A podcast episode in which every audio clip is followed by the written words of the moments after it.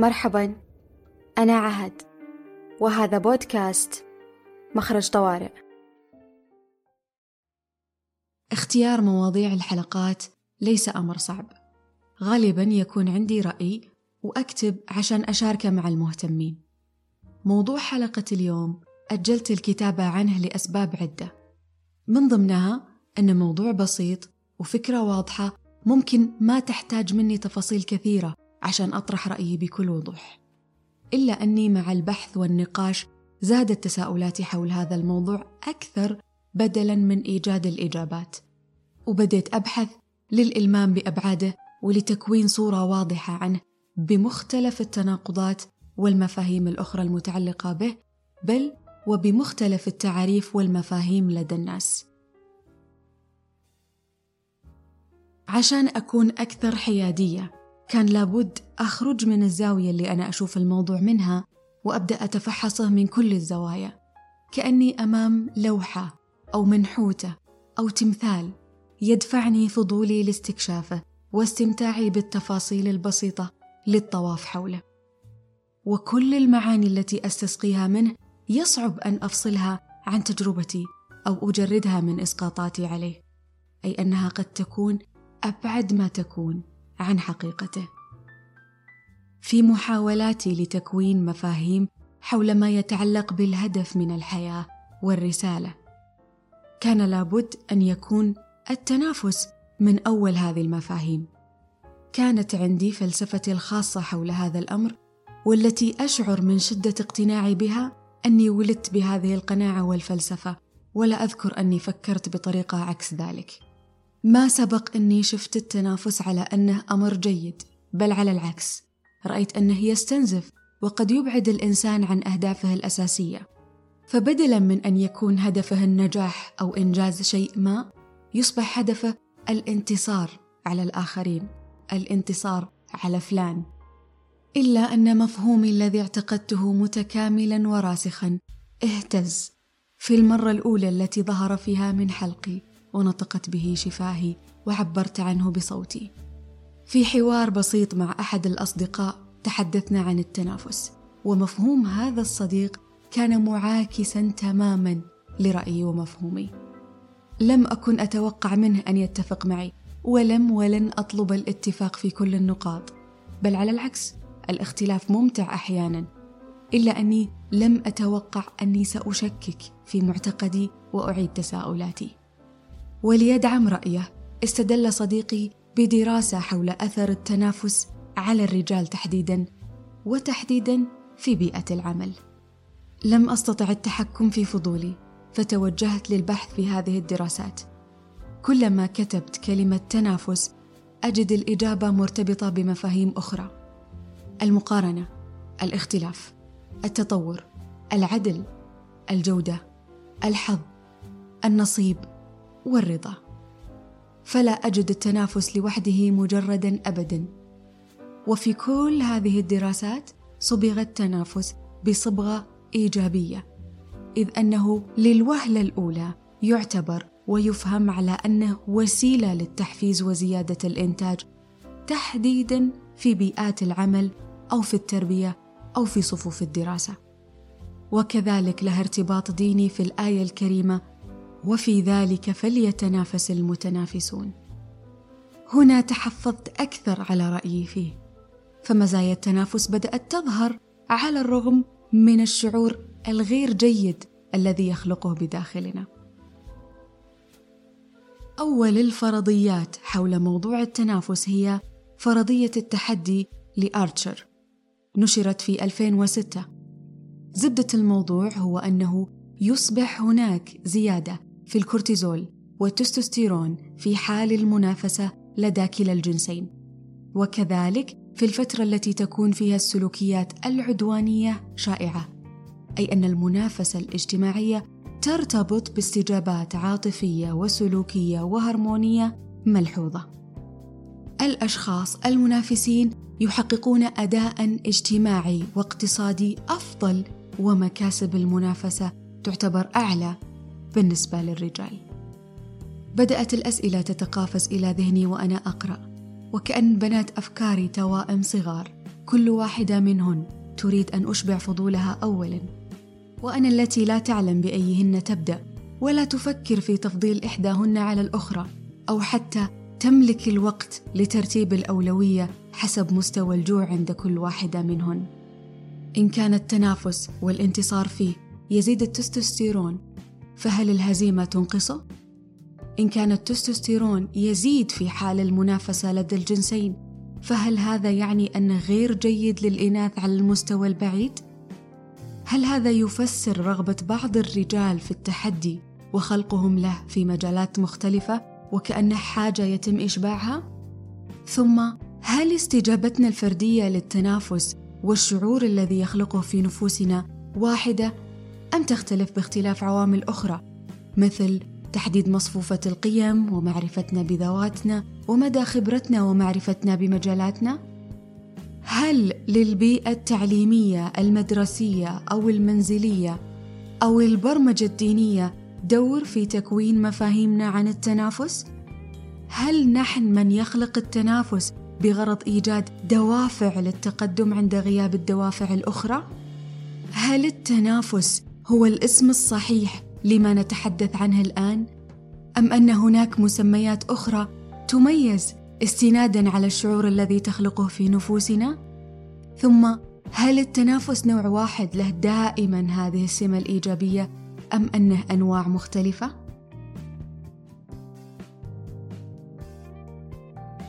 اولا دعونا نتفق على أن التنافس يختلف فهناك التنافس في بيئة العمل التنافس في التعلم التنافس بين رجل ورجل بين رجل وامرأة بين الأصدقاء التنافس مع الآلات التنافس ضمن فريق ضد فريق.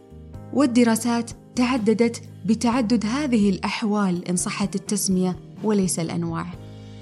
أما بالنسبة للقناعات حول التنافس ففي بحث يهدف إلى قياس فرق القابلية بين الجنسين على التنافس وجدوا أن النساء أقل اقبالا من الرجال. أشارت الباحثة إلى ضرورة العودة لتفقد معتقداتنا حول فكرة التنافس حتى لا ندخل في تصنيفات تبعا للجنس وكذلك حتى لا تكون معتقداتنا حول فكرة التنافس عائقا أمام تقدمنا في مسيرتنا المهنية. إلا أنه بالعموم النساء أقل ميلا للتنافس من الرجال. تصف النساء أنفسهن أنهن قادرات على المنافسة إلا أنهن أقل استعدادا للدخول فيها. تضمن البحث مقياسا سمي بمقياس التنافسية وطبق هذا المقياس على عدد من الرجال والنساء. وجد فيه أن الفارق قليل بين النساء والرجال في الإقبال على التنافس. بإمكانك اختبار معتقداتك حول التنافس الرابط موجود في وصف الحلقة. ودراسة أخرى تناولت ما يسمى بالأثر العكسي أو أثر الخسارة. ظهر أن المنتصر بصعوبة وكذلك الخاسر بصعوبة. تكون مستويات التستوستيرون لديهما عالية. وكذلك الحفاظ على الانتصار يجعل مستويات التستوستيرون تنخفض لأن المنتصر يكون راغب هنا في الحفاظ على مكانه بعد الفوز. أي يقل إقباله على التنافس. أما بالنسبة للأنوثة والتي هي الأخرى أسيء فهمها كثيرا وتمت قولبتها إن كان من الإناث أنفسهن أو من الجنس الآخر. والسؤال هل التنافس والطموح يؤثر على الأنوثة؟ هل هذا معناه أن دخول المرأة إلى ميدان العمل أو كونها ذات طموح وترغب بأن تساهم في مجتمعها وبيتها ينقص من رصيد أنوثتها؟ هل يجب أن يكن الإناث أنفسهن على نفس المستوى من الأنوثة؟ بحيث إن قل فهي ذكورية وإن زاد فهي مائعة مثلا؟ فتزداد الصرامة في مقياس الأنوثة ولا أعلم إن كان الوضع كذلك بالنسبة للرجال الذين يتهمون بالكثير فقط في حال اهتموا ببعض السلوكيات مثل الاهتمام بالمظهر. فأعتقد أن الموضوع هنا نسبي إذ أن سلوك واحد لا يسحبني من دائرة الأنوثة إلى الذكورية مباشرة والأمر كذلك بالنسبة للرجال الموضوع تراكمي بغض النظر عن المعتقدات حول السلوكيات التي تحمل صبغة ذكورية أكثر كالمنافسة أو تحمل صبغة أنثوية أكثر كالاهتمام بالمظهر. المنافسة وحدها لن تؤثر، لعله الاستمرار فيها، وأنا هنا أفكر بصوت عالي معكم. ثم ما نسبة المنافسة في حياتي كأنثى مقارنة بباقي السلوكيات التي تصنف وتدخل ضمن دائرة الاهتمامات الأنثوية؟ وعلى ذلك نقيس بالنسبة للجنس الآخر. يعني من الآخر مني لكم يا بنات نافسوا واستمتعوا ولا مانع من زيادة لحظية في كميات التستوستيرون الذي هو أصلا موجود في أجسادنا. التنافس في بيئة العمل على اعتبار أنها الجانب الذي يتطلب منا ذكورا وإناثا انطلاقة وحيادية لا يجب أن ينقل إلى المنزل وفي جلسات الأصدقاء، وعلى اعتبار أنهما للمرح والسكينة فمن الذكاء ألا تكون هناك منافسات حتى لا نشعر بالتهديد في مساكننا ومن نسكن إليهم. ومن جهة أخرى أكثر إمتاعًا وإثارة للأسئلة. في إحدى الدراسات التي أجريت بهدف قياس أثر التنافس على الجهد البدني وعلى الذاكرة تحديدًا، وجد أن لها أثر إيجابي على زيادة الجهد البدني، ولكن أثرها غير جيد على عملية التذكر.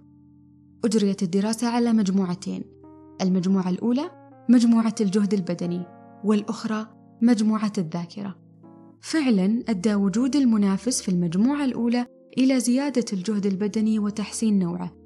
أما في المجموعة الأخرى مجموعة الذاكرة ففي فترة المنافسة لم تكن النتائج جيدة إلا أنه بعد أن انتهت المنافسة تم التذكر بشكل أكبر. لعل فكرة المنافسة جعلت الذهن تحت ضغط مما أثر على القدرة على التذكر في الذاكرة قصيرة المدى. أي أن المنافسة جيدة في الأمور التي لا تتطلب انتباه عالي وكذلك أثر المنافسة يختلف حسب الفروق الفردية. قد ينظر إلى السلوك التنافسي على أنه سمة سلبية اجتماعيا فيميل الناس إلى رؤية أنفسهم على أنهم أقل تنافسية. بالعموم الناس قد يصنفون أنفسهم على أنهم يتمتعون بصفات إيجابية أكثر من البقية. وبعد هذا كله عملية البحث هذه جعلت التنافس يبدو أكثر رشاقة ورفعته منزلة بين المفاهيم. إلا أني كنت لا أزال متحفظة والسبب هو الشعور الذي يسببه في نفوسنا. وصلت لمفترق طرق وشعرت أن جزء من المفهوم مفقود ووجدته. ولم أجده وحدي بل بعد الاستعانة بصديق. ما وجدناه جعل التنافس يخرج بحكم براءة من محكمة مفاهيمي وليلبس التهمة مفهوم آخر وهو التمايز. نعم الموضوع ببساطة فروقات لغوية، واللغة هنا تساعدنا لنسمي الأمور بمسمياتها. التنافس في اللغة مصدر تنافس، تنافس رياضي أي تسابق ومنه التنافس في الخير أي التراغب فيه والتنافس نزعة فطرية تدعو إلى بذل الجهد في سبيل التشبه بالعظماء واللحوق بهم. أما المفهوم الجديد الذي كان موجودا كمعنى منذ بداية حديثي وغاب كمصطلح هو التمايز. مصدر تمايز تمايز الجماعة أي تفرقها وتخاصمها. ويقال بينهما تمايز في الطبع والسلوك أي اختلاف تباين وتغاير. والتمايز في العمل أي التميز والاختلاف فيه. كما ورد في الآية الكريمة وامتازوا اليوم أيها المجرمون. التنافس هو الإيجابي وهو المطلوب وهو الذي يعتبر أحد الدوافع للتطور. أما التمايز فهو ما يجعل في النفس مشاعر غير جيدة اللي نسميها الإيجو والذي يكون مبني على مقارنات والهدف هنا هو الانتصار على الآخر وتحقيق التقدم. عندما نتنافس فنحن نعلم أن كل واحد منا مكمل للآخر وجهودنا تدعم بعضنا. معنى يبدو مثالي للوهلة الأولى ويريح من تأنيب الضمير. يجعلنا نبدو أكثر لطفا وجمالا في أعين أنفسنا. لكن يا أصدقائي نحن بشر. تمايزنا أو تنافسنا. سيأتي في نفوسنا ما يأتي من المشاعر التي لن يأتي قمعها بأي نتيجة وإنما تهذيبها والتعامل مع ما تثيره تلك المواقف وتلك المشاعر لتكون في صالح تطورنا وتقدمنا. فإن لم نكسب المنافسة أو الممايزة أيا كان اسمها كسبنا أنفسنا كسبنا التجربة والخبرة كسبنا الوعي واتساع العقل والقلب. إيش نبي بالضبط؟ تصفيق الناس؟ يجدر بنا أولا أن نقدم ما نستحق عليه ذلك بمعنى نجعل لأنفسنا غايات أكثر نبلا ونسعى إليها في مختلف المجالات ماذا نريد؟ النجاح أم التغلب على فلان؟ بتحديدنا لمعنى النجاح تتسهل أمور كثيرة ونساعد أنفسنا لنكون في انسجام مع ما نعمل ونسعى لما نريد بحب لا بدافع الحاجة أو التحدي الذي يستنزفنا الدافع المبني على المقارنة مدمر لأن الدافع الحقيقي هنا يغيب والطاقة تستمد من مصدر غير نقي وغير ثابت وقابل للزوال. نعم أنا أرى أن التحدي استنزاف إذا كان في غير محله ونحن لسنا مضطرين لإثبات أي شيء لأي شخص ما دمنا مقتنعين به. باستثناء طبعا في حال كنت بقدم على وظيفة مثلا وأحتاج أثبت لهم مهاراتي وقدراتي حتى يقبلوني. بمعنى أعرف متى ومتى لا أظهر أو أثبت ما لدي من قدرات وإمكانات ومتى يحين وقت مشاركتها ومتى لا. معنا وقت طويل للبحث في الدوافع ونحتها وتحسينها وتجميلها لتكون أكثر نبلا. ماذا سأقدم في المقابل لأستحق عليه ما أريد؟ الحياة أخذ وعطاء. نحول التركيز على النفع الذي نقدمه أكثر من تركيزنا على ما نحصل عليه. نركز على تحسين ما نقدم وتطوير ذواتنا بالتزامن معه. بالنهاية كل جهد نبذله على ذواتنا ينعكس على ما نعمل. وأنا أتحدث الآن بالعموم وأعلم أن مجالاتنا مختلفة. المعرفة الحقيقية بالذات بذواتنا. تساعدنا في معرفة الدوافع أو ربما يجدر بي أن أقول التعرف على الذات. كون المعرفة الحقيقية للذات قد تأتي تدريجيا وتكون لاحقة وكذلك لأن الذات الحقيقية غير محدودة. فبالإمكان إعادة تعريفها من فترة لأخرى فنتسع أكثر وأكثر. أعرف نفسي أعرف دوافعي أعرف إمكاناتي أعرف الشعور الذي أبحث عنه. إن كنت لا تريد أن تنافس فابحث عن كوكب لك وحدك. أو كن دكتاتوريا وأعدم كل من يمكن أن يصبح منافسا لك.